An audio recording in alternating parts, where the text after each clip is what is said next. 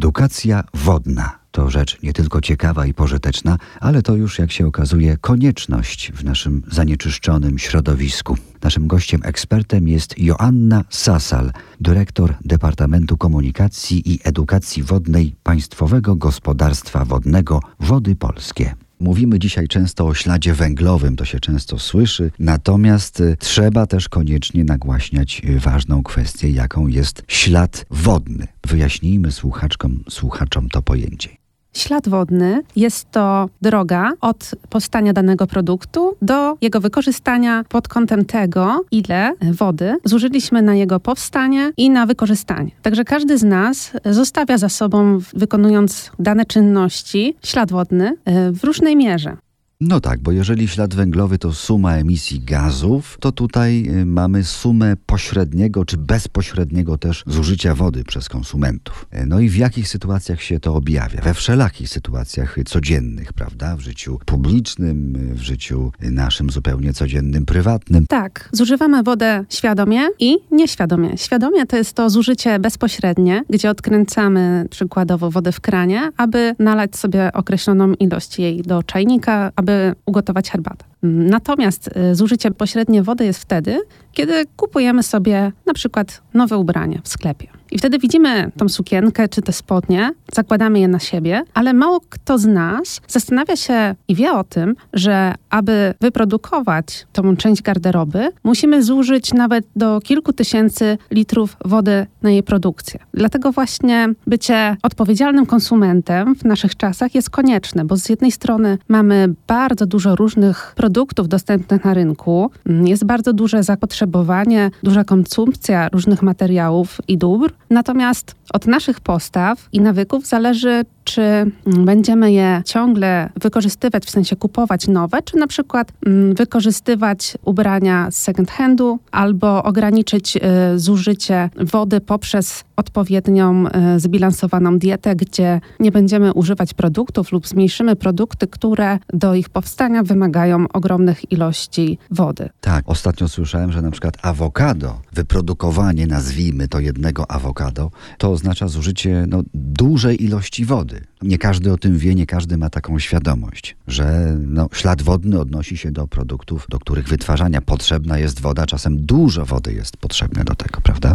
Tak, i mówimy tutaj nie tylko o roślinach, gdzie do niektórych upraw e, bardzo duże ilości wody są e, niezbędne, ale również na przykład do produkcji mięsa, gdzie na kilogram wołowiny potrzebny jest kilkanaście tysięcy litrów wody. A pamiętajmy również, że w racjonalnym gospodarowaniu wodami mm, niezbędne jest to, abyśmy też chronili ich zasoby które są pod ziemią, czyli wody podziemne. Obserwujemy trend, gdzie coraz więcej gospodarstw rolnych zasilanych jest przez ujęcia wód podziemnych, mhm. czyli mówiąc kolokwialnie, do wyprodukowania sałaty czasami może być potrzebna woda podziemna, nawet z ujęć głębinowych. Natomiast jeśli chcemy być bezpieczni, chcemy żyć w kraju, w którym mamy odpowiedni poziom retencji wód i te zasoby dostępne do właśnie nawadniania upraw, do produkcji mm, żywności i innych dóbr różnej skali, musimy tą wodę gromadzić przez jej retencję. Tej retencji głównie wód właśnie powierzchniowych, czyli tej wody, która spada z deszczem i odpływa rzekami do Bałtyku. Gdyż wody podziemne są bardzo ważne.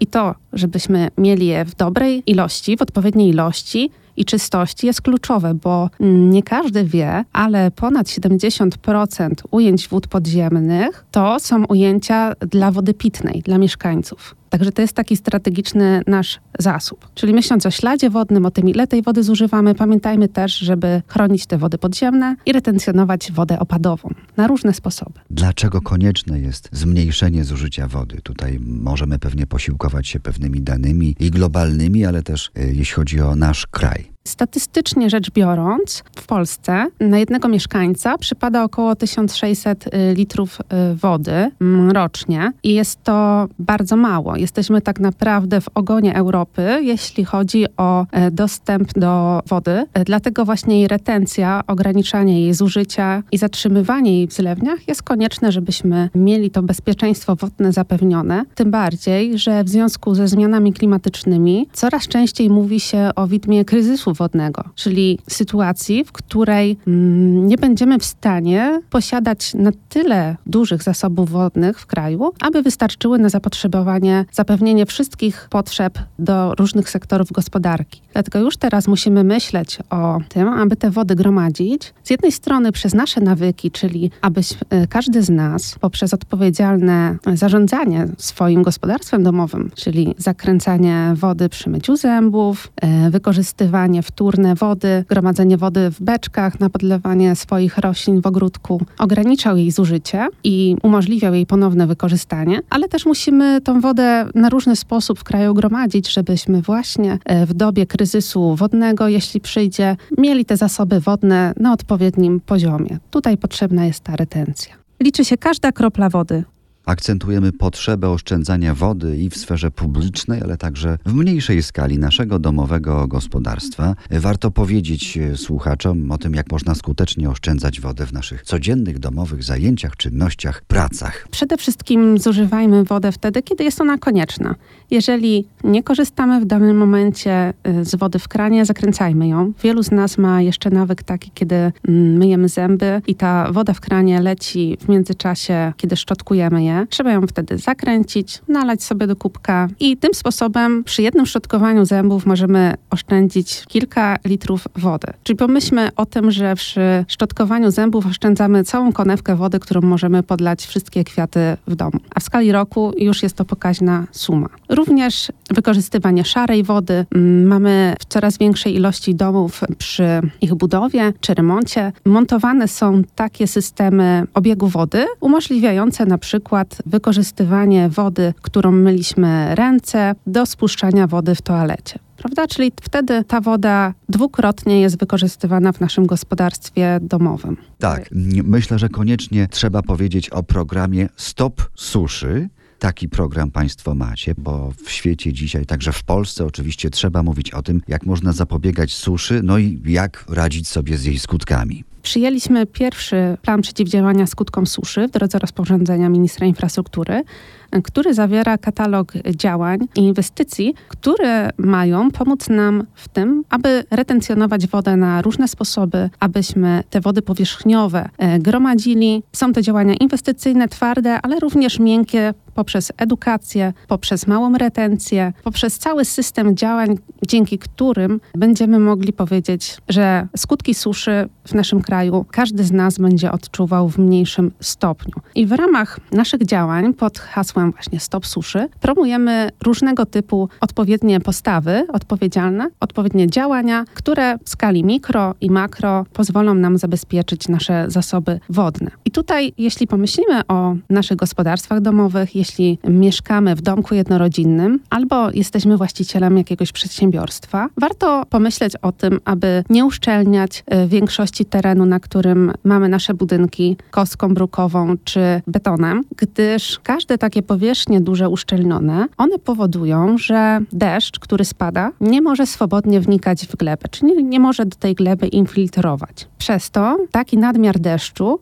y, spływa do najbliższych rowów lub do studzienek kanalizacyjnych, gdzie przy powodziach błyskawicznych i opadach błyskawicznych, czyli zjawisku, które nas dotyka coraz częściej w związku ze zmianami klimatu, odpływ takich wód z wielu powierzchni uszczelnionych, zwłaszcza w miastach, powoduje właśnie takie zjawisko powodzi błyskawicznych, czyli mamy gwałtowny opad i gwałtowne wezbranie w zlewniach zurbanizowanych, gdzie nagle w ciągu nawet kilku godzin część miast jest pod wodą. I tutaj, jeśli będziemy inwestować e, w rozwiązania małej retencji, czyli błękitno-zieloną infrastrukturę w miastach, czyli budując y, jakieś przedsiębiorstwo, zadbamy o to, abyśmy wbudowali już pod ziemią na przykład duże zbiorniki wodne, takie podziemne i właśnie z tych powierzchni uszczelnionych, które czasem muszą być, musi być jakiś duży parking, czy inne rozwiązania, gdzie na przykład nie da się zastosować innych rozwiązań, to wtedy ta woda deszczowa z takich powierzchni uszczelnionych może spływać do takiego podziemnego zbiornika. I nie obciążamy dzięki temu tej sieci wodociągowej, tej sieci kanalizacyjnej, miejskiej,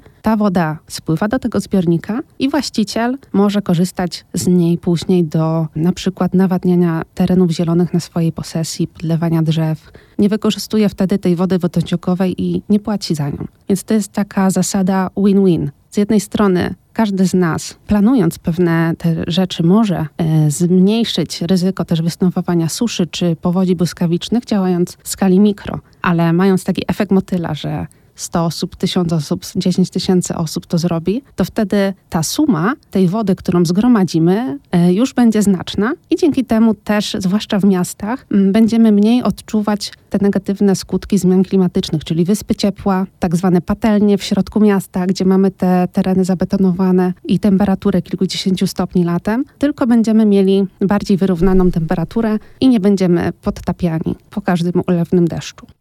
Co możemy robić, by minimalizować ryzyko wystąpienia kryzysów wodnych, takich jak susze? Aby ograniczać skutki suszy, tak naprawdę musimy zacząć od siebie. Nasze codzienne wybory to, w jaki sposób korzystamy z wody w kranie, to w jaki sposób podlewamy nią nasz ogródek, to w jaki sposób rolnicy podlewają swoje uprawy, to w jaki sposób przedsiębiorstwa gospodarują wodami, którą muszą pobrać do celów technologicznych, którą potem odprowadzają do wód, to wszystko ma wpływ na nasze zasoby wodne. I kluczem do tego, abyśmy na deficyt wodny nie cierpieli, jest to, abyśmy tą wodę, która spada wraz z deszczem, retencjonowali. W dzisiejszych czasach każda kropla ma znaczenie, dlatego inwestujmy w oczka wodne, w błękitno-zieloną infrastrukturę w miastach, w stawy, w zbiorniki wodne, w stopnie wodne, które będą spiętrzać wody na małych rzekach i powodować, że woda zgromadzona w tej rzece będzie się cofać do sieci rowów melioracyjnych, które dzięki zastawkom tworzonym przez rolników będą podpiętrzały e, wody w sieci rowów melioracyjnych i nawadniały uprawy. Mhm. Dzięki temu rolnicy mają dostęp do wody powierzchniowej zgromadzonej w takich rowach mm, w okresie deficytu wody, czyli latem, a zarazem latem mamy okres wegetacji roślin, czyli czas, w którym rośliny muszą dostarczyć do swoich tkanek jak najwięcej wody, aby zapewnić wzrost. A to, czy te rośliny wyrosną, będzie miało przełożenie na to, jakie będą plony. Dlatego ta retencja wód w zlewniach rolniczych jest bardzo ważna i zachęcamy rolników do tego, aby wodę w swoich e, rowach melioracyjnych dzięki zastawkom e, zatrzymywali. Dzięki temu w szczycie sezonu wegetacyjnego ta woda będzie dostępna do nawadniania roślin. Dzięki temu wody podziemne z ujęć wód podziemnych, ze studni głębinowych e, nie będą musiały być w taki sposób tak znacznie wykorzystywane do podlewania na przykład upraw rolnych, a będą chronione, bo to jest nasz bezcenny skarb wody podziemne. A jak możemy przeciwdziałać suszy rolniczej? Na terenach rolniczych ważne są też śródpolne oczka wodne. To element krajobrazu polskiej wsi, który na przestrzeni ostatnich lat zanika. Obserwujemy, że mm, rolnicy zasypują oczka wodne, aby zwiększyć ilość e, powierzchni do upraw, czy w jakiś sposób przez obniżanie poziomu wód te oczka zanikają. Natomiast one są bardzo ważne w ekosystemach rolniczych, ponieważ podnoszą poziom wód gruntowych wokół, czyli mhm. sprzyjają pozytywnie na te tereny rolnicze, które są wokół takiego oczka wodnego jednocześnie są elementem małej retencji, tak zwanej retencji krajobrazowej i mimo, że są to często mało powierzchniowe obszary, małe oczka wodne, to tak naprawdę, jeśli będzie ich wiele w naszym krajobrazie, to sumarycznie ich wpływ na niwelowanie skutków suszy i na lokalną retencję będzie znaczny. Pamiętajmy, że z takich oczek śródpolnych woda też paruje, wpływa pozytywnie na mikroklimat, na bioretencję i na bioróżnorodność. Myśląc o zasobach wodnych, pamiętajmy o tym, że ekosystemy wodne i od zależne mm, są bardzo urozmaicone i bardzo ważne dla funkcjonowania całych ekosystemów sieci troficznych dla każdego z nas. My również, jako ludzie, bardzo lubimy wypoczywać e, wokół zieleni, e, na obszarach również rolniczych. I takie oczka wodne, mm, małe i większe, one pomagają ten krajobraz zróżnicować. E, są też miejscem odpoczynku dla i schronienia dla zwierząt, dla różnych roślin. Także jako Wody Polskie edukujemy i promujemy to, aby również rolnicy wracali do takiej retencji przez te dobre praktyki również i wykorzystanie małych oczek wodnych, odbudowę też tych oczek wodnych, budowę małych stawów retencyjnych na wody opadowe i roztopowe, bo jest to potrzebne. Na pewno warto mieć świadomość tego, że istnieje coś takiego jak edukacja wodna. Może nie każdy o tym słyszał. No więc powiedzmy, na czym taka edukacja wodna polega. Możemy wspomnieć też o kilku y, punktach tego programu i o korzyściach z niego płynących. W wodach polskich edukację wodną mamy w naszym DNA. Wody Polskie to instytucja, która gospodaruje wodami, mm, zapewniając bezpieczeństwo powodziowe mieszkańców, e, właśnie przeciwsuszowe, dbająca o zasoby wodne i przez edukację wodną kształtujemy spojrzenie od najmłodszych lat na to, czym jest gospodarowanie wodami, jak ważna jest woda dla każdego z nas, jak ważna jest nasza postawa w codziennym życiu i czym jest gospodarka wodna, że gospodarowanie wodami to proces bardzo złożony, wielowątkowy. Gospodarka wodna wpływa na i sposób gospodarowania wodami wpływa na różne inne gałęzie gospodarcze, a zarazem jest tak złożona i ciekawa, e, że warto o niej edukować. I edukować poprzez myślenie, uczenie myślenia przyczynowo-skutkowego, bo zawsze w procesach, które zachodzą w, w wodach i w gospodarowaniu nimi, mamy pewną przyczynę, skutek i działanie. Więc o tym uczymy. I tutaj Wody Polskie wdrażają program Aktywni Błękitni Szkoła Przyjazna Wodzie. Jest to program skierowany dla uczniów i nauczycieli szkół podstawowych, do którego należy już kilkaset szkół w całej Polsce w ramach którego prowadzimy zajęcia w terenie, zajęcia kameralne o tym, jak oszczędzać wodę, o tym, jak zabezpieczyć się i zminimalizować ryzyko powodziowe, o tym, co zrobić, aby nasze wody były czyste, aby był czysty Bałtyk. I pokazujemy to zarówno na lekcjach przez naszych edukatorów, którzy odwiedzają klasy należące do naszego programu, ale również pokazujemy, mm, jak zarządzamy wodami w terenie. No właśnie, jak taka lekcja, przykładowa lekcja plenerowa mogłaby wyglądać? Myślę, że tutaj słuchaczki, słuchacze będą szczególnie zaciekawieni. Aktualnie uczniowie e, mogą odwiedzać nasze lodołamacze. Są to specjalne jednostki mm. pływające, które stacjonują na Dolnej Wiśle i Środkowej Wiśle oraz na Dolnej Odrze. I są to często też i nowoczesne jednostki, e, gdzie mamy możliwość wejścia na pokład, pokazania maszynowni, pokazania jak ta jednostka e, wygląda na zewnątrz, wewnątrz. Nasi e, kapitanowie tych jednostek opowiadają o swojej codziennej pracy, mówimy o tym, do czego one służą i jakie jest ich e, zadanie w osłonie zimowej. Bo tak naprawdę to pogotowie zimowe lodołamaczy trwa mm, zimą, czyli wszystkie lodołamacze są zimą w gotowości do akcji lodołamania, aby przeciwdziałać e, powodziom zatorowym. I tutaj przez tak naprawdę cały rok szkolny uczniowie mogą odwiedzić nasze jednostki pływające typu lodołamacze, które mają ciekawe nazwy, jest to na przykład ocelot, tarpan, bawuł. Także to często są e, nazwy zwierząt.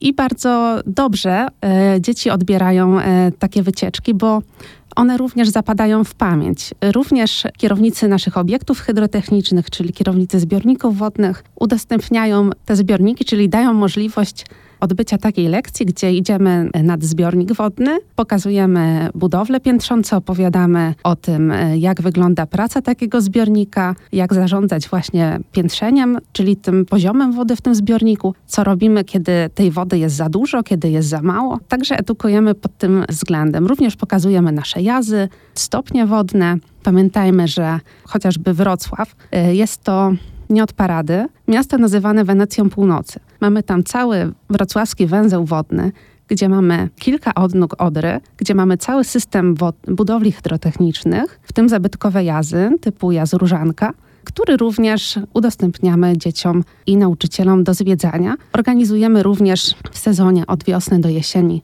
e, liczne pikniki w ramach aktywnych błękitnych i nie tylko gdzie te obiekty hydrotechniczne można zwiedzać, można posłuchać o ich znaczeniu, spędzić miło czas, ale również uczyć się o bezpieczeństwie nad wodą, bo program Aktywni Błękitni Szkoła Przyjazna Wodzie to nie tylko działania wód polskich jako organizatora, ale również naszych partnerów. Naszymi partnerami są m.in. Policja, Policja Wodna, Straż Pożarna, WOPR, są to te jednostki zarządzania, te służby, które pomagają również w bezpieczeństwie, zachowaniu bezpieczeństwa nad wodą i również o tym edukują. Także mamy ponad 60 partnerów w całej Polsce, gdzie również właśnie szczególnie w tym sezonie ciepłym organizujemy pikniki, wydarzenia w plenerze, gdzie również ratownicy wodni nie tylko pokazują, jak bezpiecznie zachować się nad wodą, są ćwiczenia z psami i różne ciekawe aktywności, gdzie dzieci ze szkół uczestniczących w programie Aktywni Błękitni Szkoła Przyjazna Wodzie mogą e, zobaczyć i doświadczyć tego,